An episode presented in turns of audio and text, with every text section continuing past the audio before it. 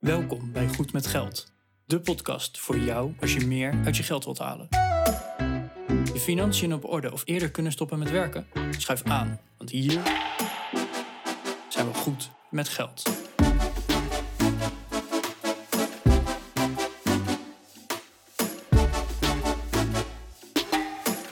aflevering 192 van de Goed met Geld podcast.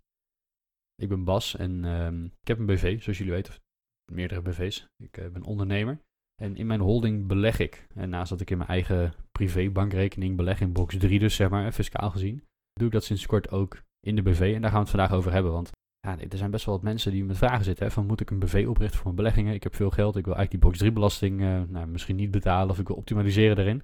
Of ik ben ondernemer, ik heb wat kapitaal, kan ik ook in mijn BV beleggen in plaats van in privé? Nou, het antwoord op al die vragen en meer vind je vandaag in de aflevering. Let even op, dit is geen financieel advies, dus ook geen fiscaal advies. Praat altijd met een adviseur die bevoegd is om uh, advies te geven. Als je met specifieke vragen zit over bijvoorbeeld uh, de fiscale aspecten van het beleggen in Box3 of in, uh, in een BV. Vandaag deel ik gewoon mijn ervaringen met jullie. De show notes van vandaag vind je op groenmetgeldpodcast.nl slash 192. En je kunt ons een privébericht sturen via goedmetgeldpodcast.nl slash contact. Veel luisterplezier. Goedemorgen Arjan. Hi Bas. Hey. Hey, jij belegt? Neem ik aan. Ja, dit is echt vragen naar de bekende weg. dit is echt... Nou, hoe lang ken je me nou? Nu is het net alsof ik een advocaat ben en alleen maar vragen stelt waar je het antwoord al op weet. Want als je vraagt waar, je vraag stelt waar je het antwoord niet op weet, dan kan je wel verrast worden. Dat wil je niet. Ga je ook nog vragen wat ik beleg? Ja, ja, ja, ja, je boterham en zo. Ik kan zeggen hagelslag, chocopasta, kaas. Uh. Nou, dat zijn allemaal de gezondere opties uh, die je als eerste twee noemt in elk geval. Dat is fijn. Maar... Niet van het leven. hey, uh, nee, maar jij belegt in, in box 3 neem ik aan, hè? Ja. Van een, een privébeleggingsrekening. Ja. ja. beleg je ook voor je pensioen? Um, dat wordt wel gedaan via een fonds, ja. Ja, oké. Okay. Dat doe ik niet zelf, maar dat gebeurt wel, ja. Zeker. Ja, je, je hebt niet nog een aparte lijfrenterekening of zo waar nee, je je jaarruimte nee. instort. Sterker nog, ik heb geen jaarruimte. Je hebt gewoon zo'n zo'n zo'n dik pensioen van je baas dat dat niet nodig is. Ja. Lekker man, luxe. Ja. Maar goed, dat wordt ook wel belegd neem ik aan en daar bouw je kapitaal op. Zeker. Ja, ik, ik heb dat ook. Hè. Dus ik heb vanuit mijn uh, twee vorige werkgevers een, ook van die pensioenpotjes. Daar staat, ik geloof, in eentje 3 en in eentje 4000 euro of zo. Dat is niet zo heel spannend. Pensioenen in mijn branche zijn niet om over naar huis te schrijven. Maar we hebben ook een, nou, daardoor heb je wat jaarruimte en die heb ik als gebruikt om, om een eigen lijfrente beleggingsrekening vol te storten. Mm -hmm. En daarnaast beleg ik privé ook in box 3. Dus ik heb een box 1 en een box 3 beleggingsrekening. Ja. Maar sinds kort, we willen hem toch even volmaken, hè? Gotta catch them all. Sinds kort ook een box 2 beleggingsrekening. Oké. Okay. Want deze aflevering heet beleggen in de BV. En um, ik beleg dus in mijn BV. Ik ben ondernemer, ik heb, een, ik heb twee BV's.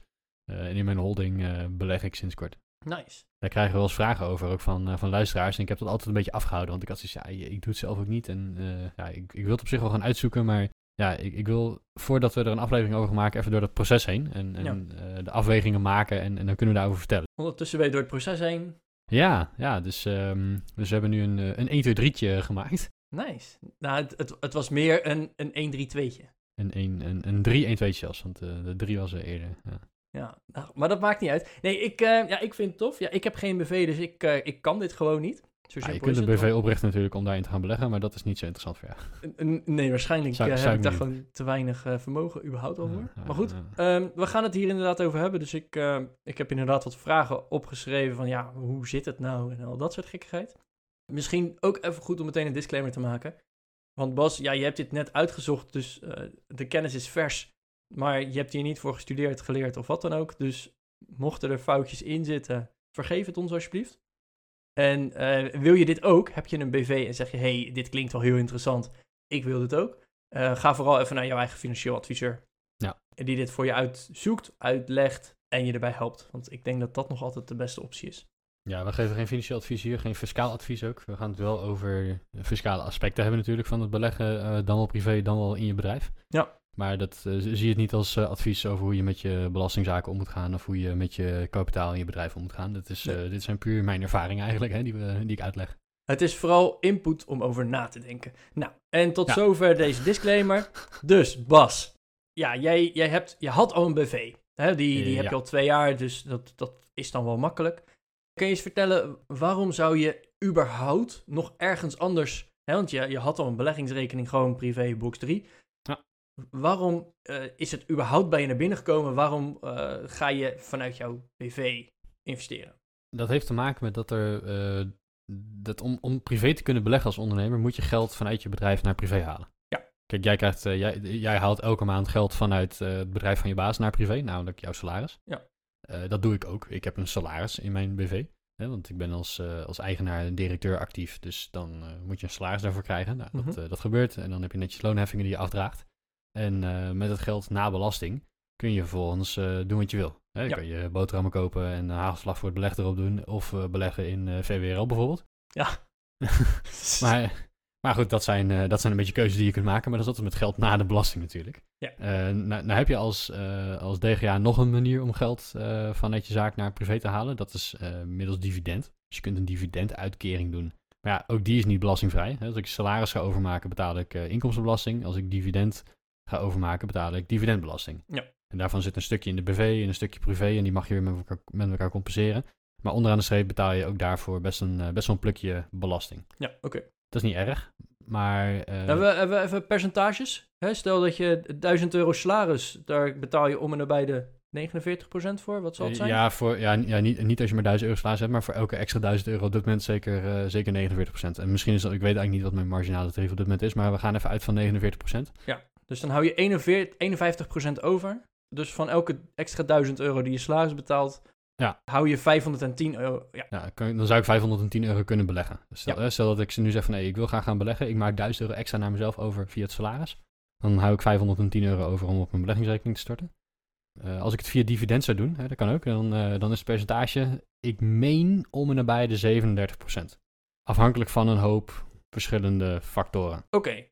Nee, het is niet waar wat ik nu zeg. Het is lager. Het is, uh, het is denk ik 27%. 27% Oké, okay, dus... Wat je aan dividendbelasting betaalt. Ja, ja dus, dus, je kan jezelf 1000 euro meer salaris betalen per, per jaar. Ja. Dan hou je daar netto 510 euro van over. Je kan jezelf ook 1000 euro dividend uitbetalen, dus echt winst.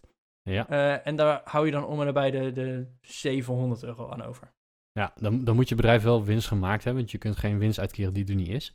Je kunt overigens wel winst van eerdere jaren uitkeren. Hè? Dus je kunt je winst opsparen in de, dat noemen ze in de algemene reserves of in de overige reserves of iets dergelijks. Ja. En die kan je dan wel weer als dividend uitkeren. Nee, nee, nee klopt. Dus dan, uh, dan hou je wat meer netto over uh, vanuit, je, vanuit je dividend. Nou, je kan je natuurlijk zeggen, ik ga uh, 1 euro salaris per jaar mezelf betalen en de rest als dividend doen. Dat mag niet, er zijn regeltjes voor. Dus dat, nou, dat is een hele dat is een fiscaal vehikel, zeg maar. Ja. Om ervoor te zorgen dat je netto uh, een bepaald inkomen uit je bedrijf kunt halen. Hè? Dus dat is een, een, mix van inkomen en dividend. Of van, van arbeidsinkomen en, en dividend. Oké. Dus als je wil gaan beleggen, dan, dan kan je geld naar privé halen op deze twee manieren. En daarmee in privé in box 3 beleggen. En dan betaal je volgens in box 3 een uh, belasting over je vermogen. Hè? Want we zeggen wel dat het vermogensrendementsheffing is. Maar dat is natuurlijk niet waar. Het is gewoon een vermogensbelasting. Ja. Want als jij een bepaald vermogen hebt, gaan ze ervan uit dat je daarmee een bepaald inkomen realiseert. Je rendement en daar word je op belast. Dus het is gewoon een verkapte vermogensbelasting. Ja. Nou, op zich is die vermogensbelasting, zeker bij de wat lagere vermogens, uh, best wel gunstig. Kijk, als je niet een, uh, als je, weet ik veel, 50.000 of 100, een laag vermogen, dat is natuurlijk heel veel geld. Maar als je 50.000 euro hebt, betaal je geen cent belasting bijvoorbeeld. Als je 100.000 euro hebt, dan betaal je een heel klein beetje box 3 belasting. Ja, nou stel nog, je bent met z'n tweeën en je hebt een vermogen van 100.000 en je bent ja. echt fiscaal partner. Dan is de grens zelfs 100.000, betaal je nog steeds ja. geen uh, belasting. Ja, dus, dus uiteindelijk uh, die box 3 belasting bij de, nou, wat, wat ik nu even door de bocht, de wat lagere vermogens van uh, misschien uh, tot 2 of 3 ton of zo, die betalen maar heel weinig box 3 belasting.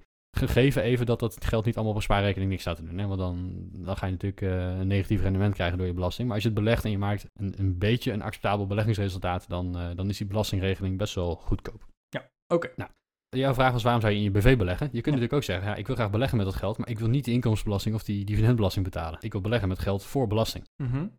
Nou, dan kan je natuurlijk zeggen, ik heb geld in mijn BV zitten. En voordat ik inkomstenbelasting of dividendbelasting betaal, ga ik dat gewoon zitten beleggen. En dan doe ik dat dus niet privé, maar dan gaat mijn BV dat beleggen. En omdat de BV een zelfstandig uh, fiscale entiteit is, hè, de BV is echt een andere entiteit dan dat ik ben, mag de BV zelf bepalen om te gaan beleggen. Wie bepaalt dat dan? De bestuurder, dat ben ik in dit geval. En kun je dus beleggen met geld van de BV en voor rekening en risico van de BV. Ja, dus eigenlijk waar je hè, naast salaris uh, heb je 49% over. zeg jij van, hey, in de BV kan ik het eigenlijk gewoon met de 100% gaan beleggen. Ja, even een, een, een rekensom. Hè. Dit zijn niet de werkelijke bedragen in mijn uh, bedrijf. Stel dat jij in je holding, we gaan even een makkelijke rekensom maken. Stel je hebt in je holding uh, 100.000 euro aan inkomen, ja. aan omzet. Uh, we vergeten even dat je nog een notaris moet betalen, want bankkosten hebt en andere kleine kosten maakt. Maar stel je hebt een ton aan, uh, aan omzet en je betaalt jezelf een salaris van 50.000 euro bruto. Ja. Dan heb je dus in je BV 50.000 euro loonkosten en 50.000 euro winst. Ja. ja. Even heel, heel gesimplificeerd, ja. Heel plat geslagen, ja. Dan betaal je in privé inkomstenbelasting over jouw 50.000 euro salaris en hou je netto iets over, weet ik veel, 35 of zo, of iets in die richting. Stel dan dat je zegt van ja, ik wil die, uh, die 50.000 euro winst die ik heb, die wil ik naar privé gaan halen. Dan ga je eerst vennootschapsbelasting betalen. Dat is de inkomstenbelasting van de BV. He, want je hebt 50.000 euro winst gemaakt, ja. daar betaal je belasting over. Dat is 15%.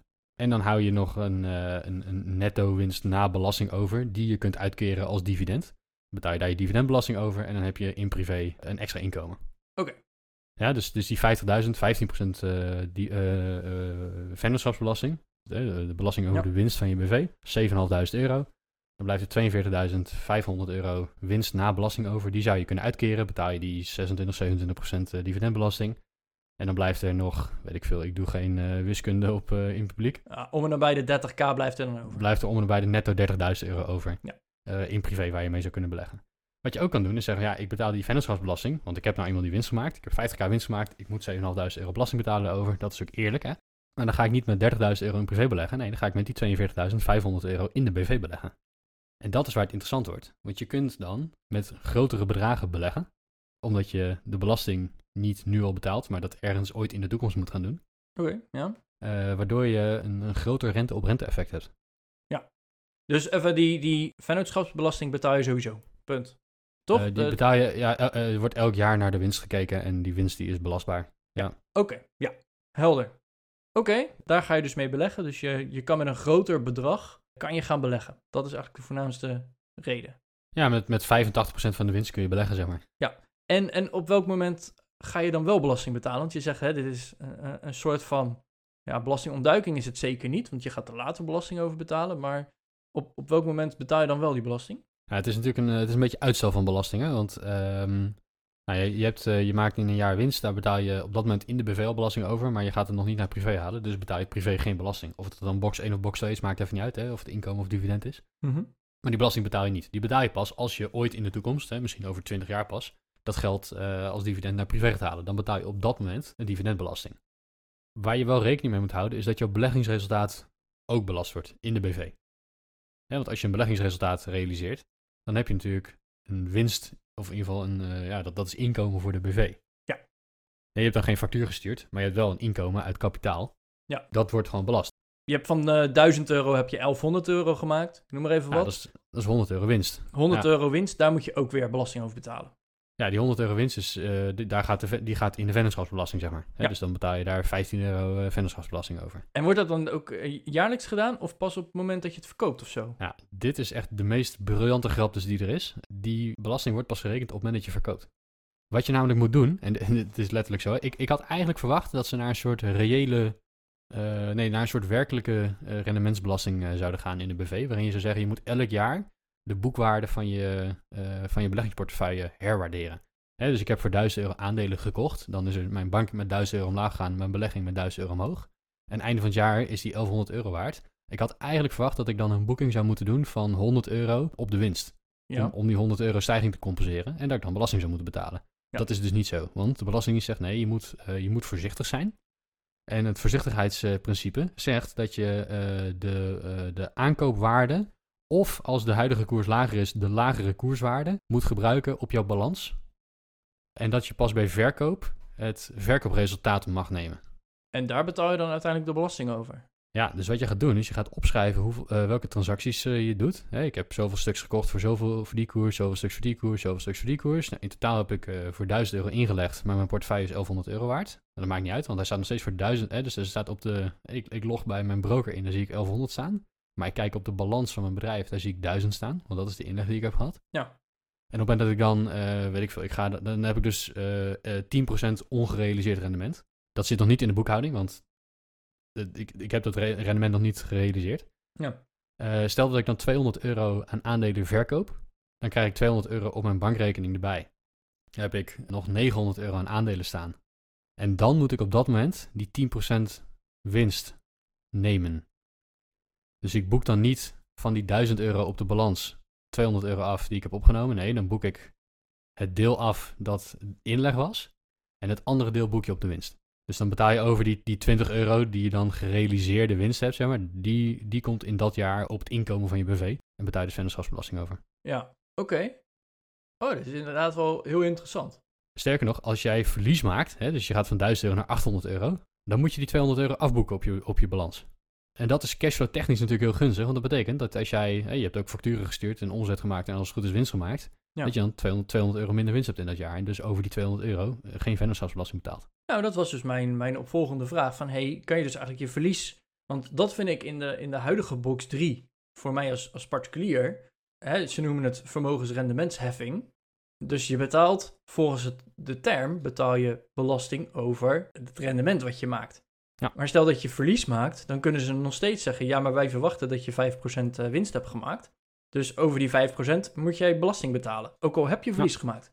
Ja. En dat is dus eigenlijk in box 2 een soort van ongedaan gemaakt. En, en er wordt dus gewoon gezegd: ja, je, je kan dat met elkaar verrekenen.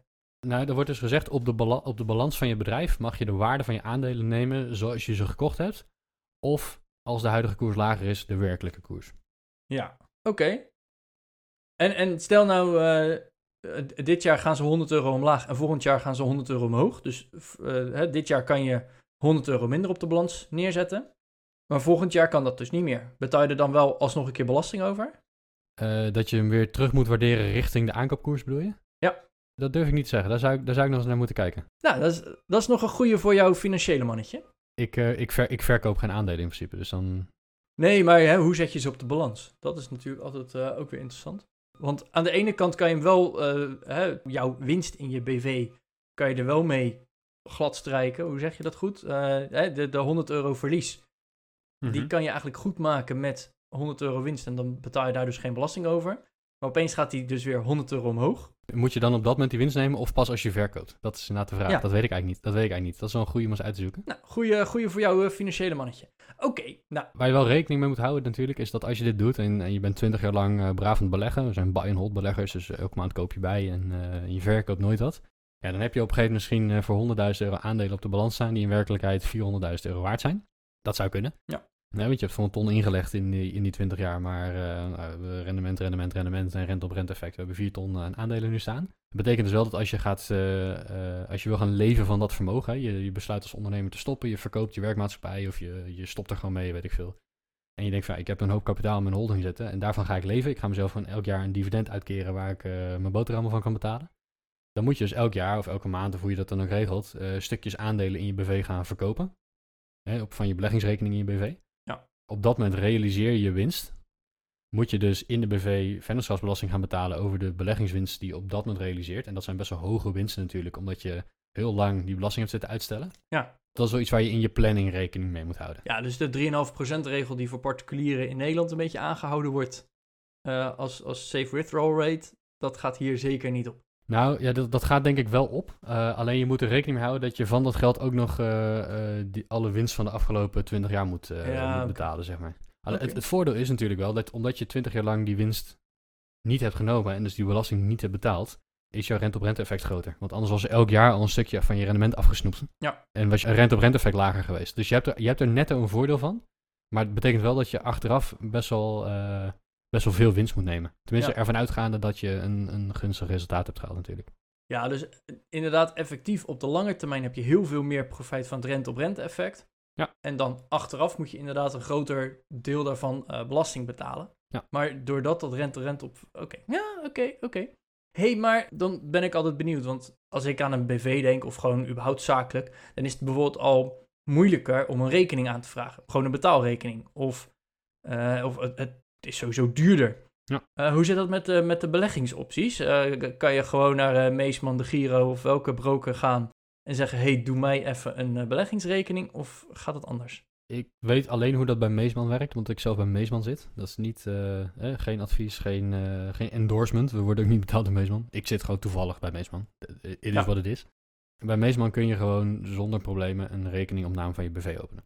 Ze hebben wel wat meer informatie van je nodig. Bijvoorbeeld een KVK-uittreksel waarop staat dat jij de bestuurder bent en dat jij mag tekenen namens de BV. En ze willen weten wie de UBO is, hè, de Ultimate Beneficiary Owner. Ja. Dat is om, uh, om witwassen te voorkomen, dus om, om transparantie in, uh, in vennootschappen uh, te bevorderen. Ja, het komt erop neer wie gaat er met de winst vandoor. Hè? Wie heeft het meeste profijt van... Ja, dat het niet, uh, niet een of de boefje uit het Midden-Oosten blijkt te zijn... die er uiteindelijk met de winst vandoor gaat, zeg maar. Dat, uh, dat vinden we allemaal niet, uh, niet goed. Dus, dus, dus daar wordt wel naar gekeken. Je moet dus ook een KVK-uittreksel en een UBA-uittreksel opleveren. En dat wordt dan weer gecontroleerd met jouw paspoort. En daar moet je privé voor tekenen dat jij dat bent. En nou ja, goed, dan uh, dat is eigenlijk niet anders dan hoe dat bij een normale rekening, een, een privérekening gaat. Alleen er wordt wel even dubbel gecheckt dat jij ook echt de, uh, de, de belanghebbende in die BV bent. Ja. En verder gaat dat uh, helemaal hetzelfde. Want ik, wat je zegt klopt, hè? het aanvragen van een bankrekening is niet per se moeilijker, maar het, een bankrekening is gewoon duurder voor bedrijven. Ja. In elk geval bij Meesman op dit moment, hè, ik heb net die rekening aangemaakt, is die exact gelijk aan mijn gewone box rekening bij Meesman. Oké, nou dat is... En hoe andere brokers dat doen, durf ik niet te zeggen. Daar heb ik niet naar gekeken.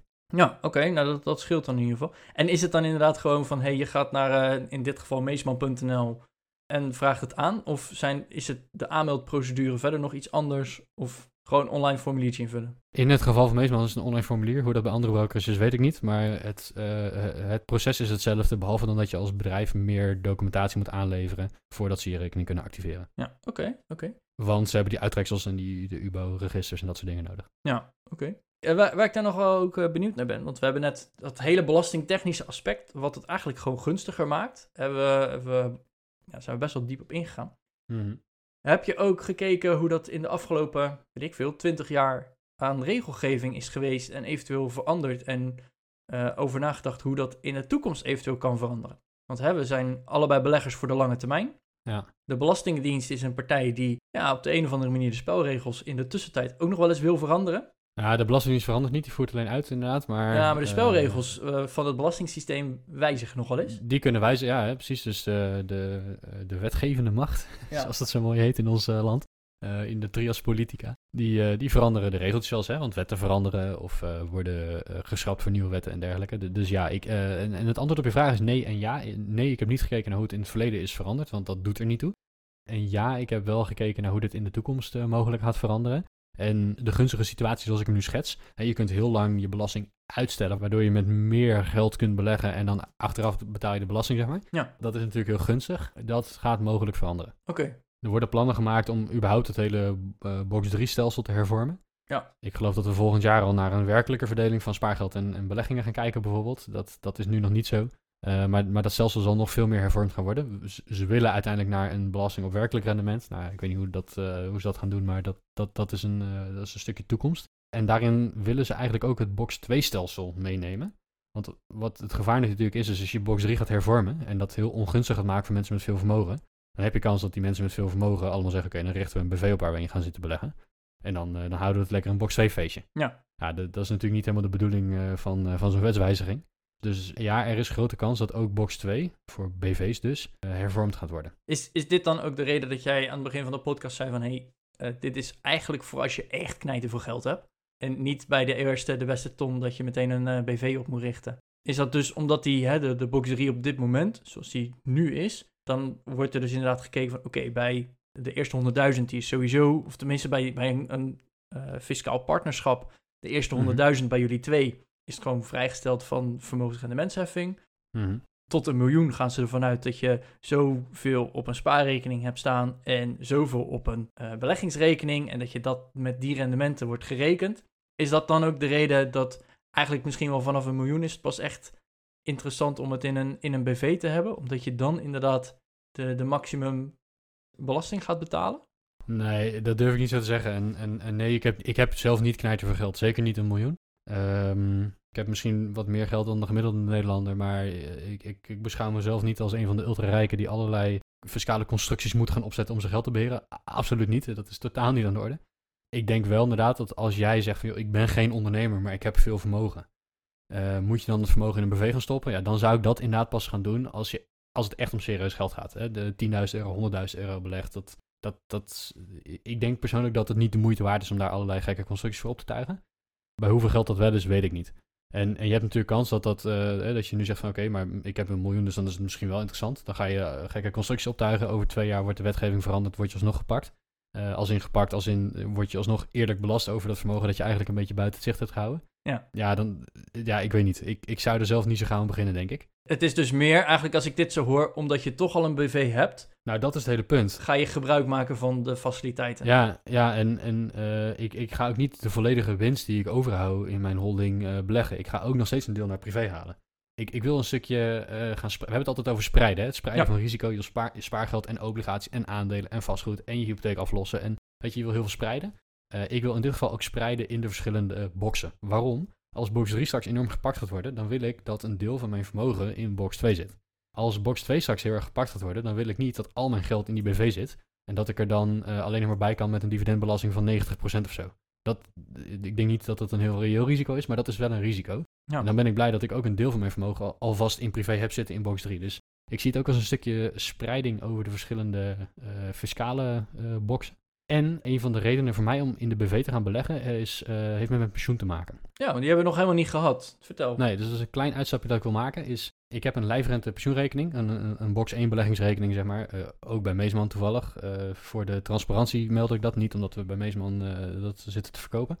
Ik had hem eerst bij de Giro, dat ging ook hartstikke goed. Maar ik zit nu bij Meesman. Um, dus daar stort ik een, mijn jaarruimte in bijvoorbeeld. Mm -hmm. He, dus daar bouw ik een, een, een, pensioen op. Ja. Nou, dat is fiscaal best wel gunstig. Want we hadden het net over de uitstel van belasting. Nou, in zo'n pensioenrekening heb je maximale uitstel van belasting. Want je stelt je box 1 belasting uit. Nou, die box 1 belasting hadden we het net over. Is uh, voor de top van je inkomen iets van 49%. Ja. Nou, die stel ik uit. Dus dat betekent dat voor elke 510 euro die ik inleg ik eigenlijk 1000 euro kan beleggen. Dat is natuurlijk heel gunstig. Ja. En dat mag ik beleggen tot aan mijn pensioenleeftijd. En dan moet ik inkomstenbelasting gaan betalen over de uitkeringen die ik uit, uit dat pensioenvermogen ga krijgen. Dus dat is fiscaal gezien een hele gunstige regeling. Als je echter kijkt naar de flexibiliteit en de vrijheid die je hebt, is dat niet zo'n gunstige regeling. Want dat geld dat staat opgesloten achter een kluis waarvan jij niet de sleutel hebt. Ja, daar kan je pas bij na je pensioenleeftijd. En sterker nog, je megaboetes gaan betalen.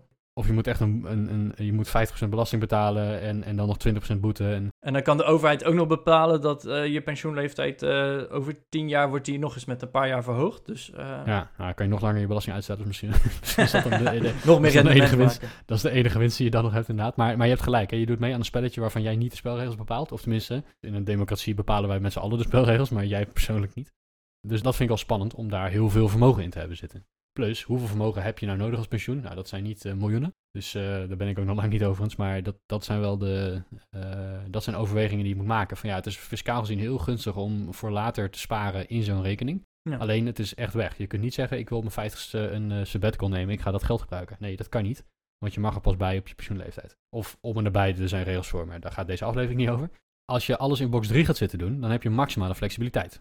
Want dat geld is gewoon van jou en je kunt ermee doen wat je wil. Ja. Uh, want het is, het is netto, netto geld. Hè? Je, hebt, je hebt er al inkomstenbelasting over betaald. Het is helemaal van jou. En, en, en dan kun je ermee sparen, beleggen, whatever wat je ermee doet. En als je dan op je dertigste zegt, hey, ik wil even een jaartje niks doen. Ik ga van mijn box 3 uh, beleggingsrekening uh, ga ik geld opnemen en daarvan leven. Hey, dat, dat kan je gewoon doen. Het is jouw geld. En ik zie de BV een beetje als stap ertussenin. Enerzijds heb je een deel van de belastinguitstel. Niet volledig, want je moet nog steeds die vennootschapsbelasting betalen. Dus je kunt niet met 100% van je inkomen beleggen, wat je eigenlijk in je pensioenrekening wel doet. Maar je belegt met 85% van je inkomen. Nou, dat, dat zit tussen, een beetje tussen de 100 en de 50% in, hè? Ja. Dus daarin zie je al dat het een soort middenweg is. Maar je hebt wel de flexibiliteit van je box 3 rekening. Namelijk, ik bepaal als bestuurder van die BV wat er met dat kapitaal gebeurt. En ik ben de enige aandeelhouder en de enige bestuurder. Dus dat betekent dat ik in mijn eentje kan bepalen wat er met dat kapitaal gebeurt. Dus als ik dan op mijn veertigste of vijftigste besluit van hé, hey, ik wil nu een sabbatical nemen en ik ga dat geld dat ik in de BV heb zitten oppotten gebruiken om van te leven. Ja, dan moet ik op dat moment verkopen, de vennootschapsbelasting over de winst aftikken, het geld naar privé halen middels dividend en daar in privé dividendbelasting over betalen. Dus ja, het is dan niet belastingvrij, maar het is wel flexibel. Ja. Dus ik zie daar ook een stukje de uh, best of both worlds misschien wel in. Dat je wel fiscaal gunstig kapitaal kunt opbouwen. Niet zo gunstig als in een pensioenrekening, maar, maar gunstiger dan als je het met netto geld uh, vanuit je salaris moet doen. Terwijl je toch een stukje van je flexibiliteit overhoudt. Nou, oké. Okay. Dus dat is voor mij eigenlijk de reden, de reden om, in, om in alle drie de boxen wat kapitaal op te bouwen. Nou, hey, nog even over, over risico's. En ik, ik weet dat je hierover na hebt gedacht, maar ik ga toch vragen zodat je het uit gaat leggen aan onze luisteraars. Stel nou, jij uh, drukt per ongeluk op delete of zo, weet ik veel, tijdens je werkzaamheden. Hè, dat kan gebeuren. Opeens, plots, alles is weg en je krijgt een claim waar je u tegen zegt. Ja. Uh, en je hebt toevallig deze claim nou net niet verzekerd. Ja. En komt er alleen maar door in financiële shit binnen je BV. Ja, dan zit er opeens geld in je BV. Dan uh, je kan je wel je faillissement aanvragen, maar het geld is zo weg. Hoe, uh, hoe heb je dat gefixt? Dit is waarom veel ondernemers niet één BV hebben, maar twee BV's. Eentje is waar, jou, waar, je, waar jij met privé in zit. Die ene waar jij met privé in zit is je holding BV. En al het werk, hè, dus de omzet, de inkoop en de risico's. Je personeel, je pand, je voorraden enzovoort. eigenlijk alle bedrijfsactiviteiten die zitten dan in de tweede BV. En ehm, jouw holding is eigenaar van de, van de werkmaatschappij, van die tweede BV. En jij bent privé-eigenaar van de holding. Dus dat is zo'n uh, zo'n ketentje als het ware. De risico's loop je in je werkmaatschappij. Ja.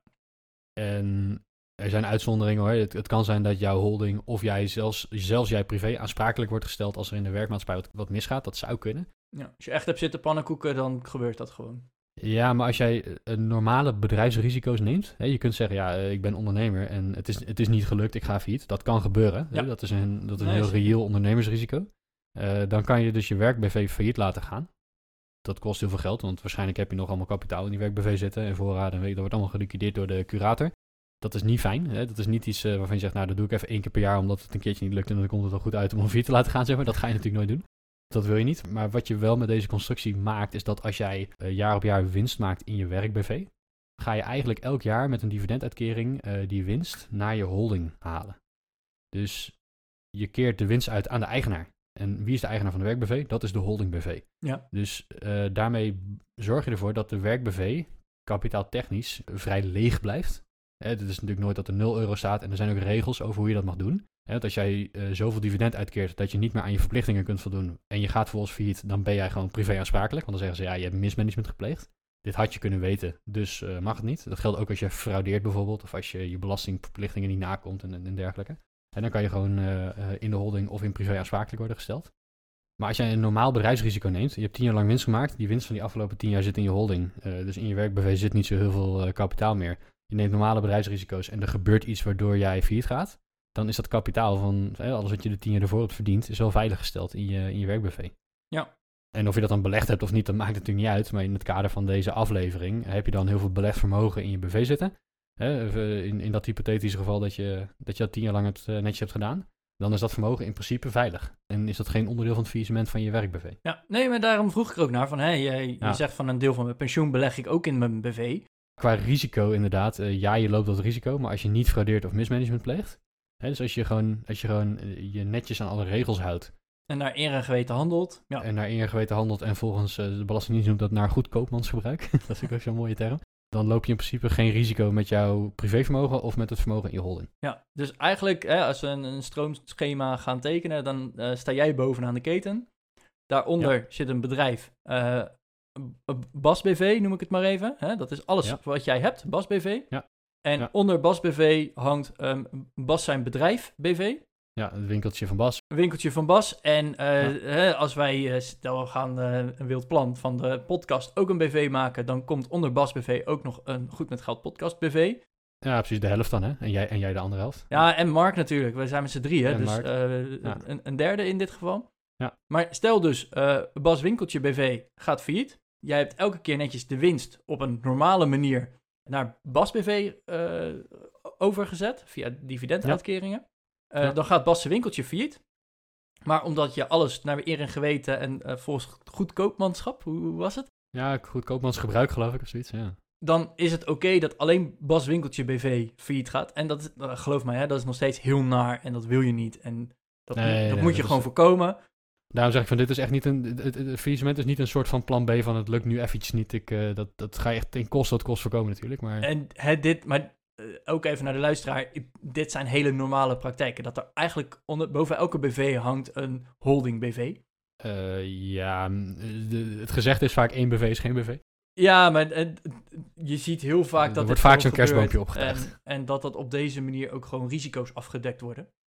Ik ken overigens wel ondernemers die gewoon maar één BV hebben, omdat het uh, zelfstandig professionals zijn die als freelancer werken en dat dan niet in een eenmanszaak, maar in een BV doen. En die zeggen ook van ja, weet je, dan maakt het niet uit, want ik ben gewoon een professional die uurtje voor uurtje werkt en, en meer dan dat gebeurt er niet, dus, dus zijn die risico's er niet. Ja. Nou, dat, dat zijn ook opties. Dat is trouwens wel een goeie, want dit, we maken nu een beetje een zijsprong naar allerlei fiscale mogelijkheden voor ondernemers. dus daar gaat de aflevering niet per se over. Het gaat over beleggen in je bedrijf. Ik noem nu net de eenmanszaak. beleggen in een eenmanszaak heeft niet zoveel zin. om maar vast te zeggen. En dan gaan mensen zeggen, ja, maar dat kan wel. En je kunt als, op de naam van je eenmanszaak een, een, een beleggingsrekening openen. Ja, dat klopt, dat kan.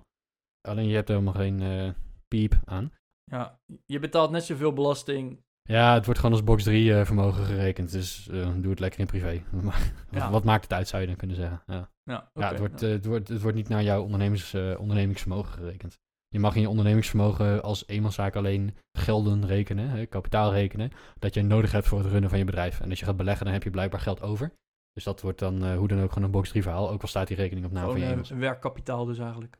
Ja, een bankrekening. En je mag, en daar kan je best wel, je kunt best wel veel geld ook in je eenmanszaak oppotten. Want je kan natuurlijk het argument hebben van ja, maar ik ben aan het sparen voor een nieuwe bedrijfsauto. Of ik ga investeren in een, uh, in een nieuw winkelpand, waardoor ik het 2,5 ton moet sparen. Of zo. Dat kan hè. Daar kan je een argument voor hebben. Maar op het moment dat je dat gaat beleggen, dan, uh, dan is het argument al heel gauw gemaakt van ja, maar dat is geld dat je over hebt, dus is het privé. Ja. En in een BV is dat dus werkelijk anders, omdat de BV echt een zelfstandige entiteit is. Oké. Nou, ik, uh, ik, ja, ik ben een stuk wijzer. Ik heb er helaas niks aan, want ik heb geen BV. Maar ik ben wel een stuk wijzer. En het is altijd wel interessant om op deze manier eens naar belastingen te kijken. Ja, en niet alleen dat ik, jou, uh, dat ik jou nu heb uitgelegd hoe ik dit doe, maar het, uh, we krijgen wel eens vragen van luisteraars. Van hoe zit dat dan? En kan ik ook in mijn BV beleggen? Ja, dat kan. En dan zijn dit, de, dit zijn wat zaken waar ik in elk geval in, in mijn eigen bedrijf rekening mee heb gehouden en, en naar heb gekeken. waar ik wel benieuwd naar ben is, als er nu ondernemers luisteren die ook beleggen in hun BV, laat even weten wat je ervaringen daarmee zijn. Hè? Dus je kunt een berichtje achterlaten in de show notes. Je kunt ook een, ja, een persoonlijk berichtje sturen. Dan, dan ziet niet heel de, heel de wereld dat. kan je doen op goedmetgeldpodcast.nl slash contact. Daar kan je nou, aan ons vertellen ook hoe, je, hoe jij het hebt geregeld. Ik ben altijd wel benieuwd naar andere inzichten. Ja, en voor hetzelfde geld zeggen onze luisteraars... ja, maar dit kan nog heel veel slimmer. laat het dan ons vooral ook weten.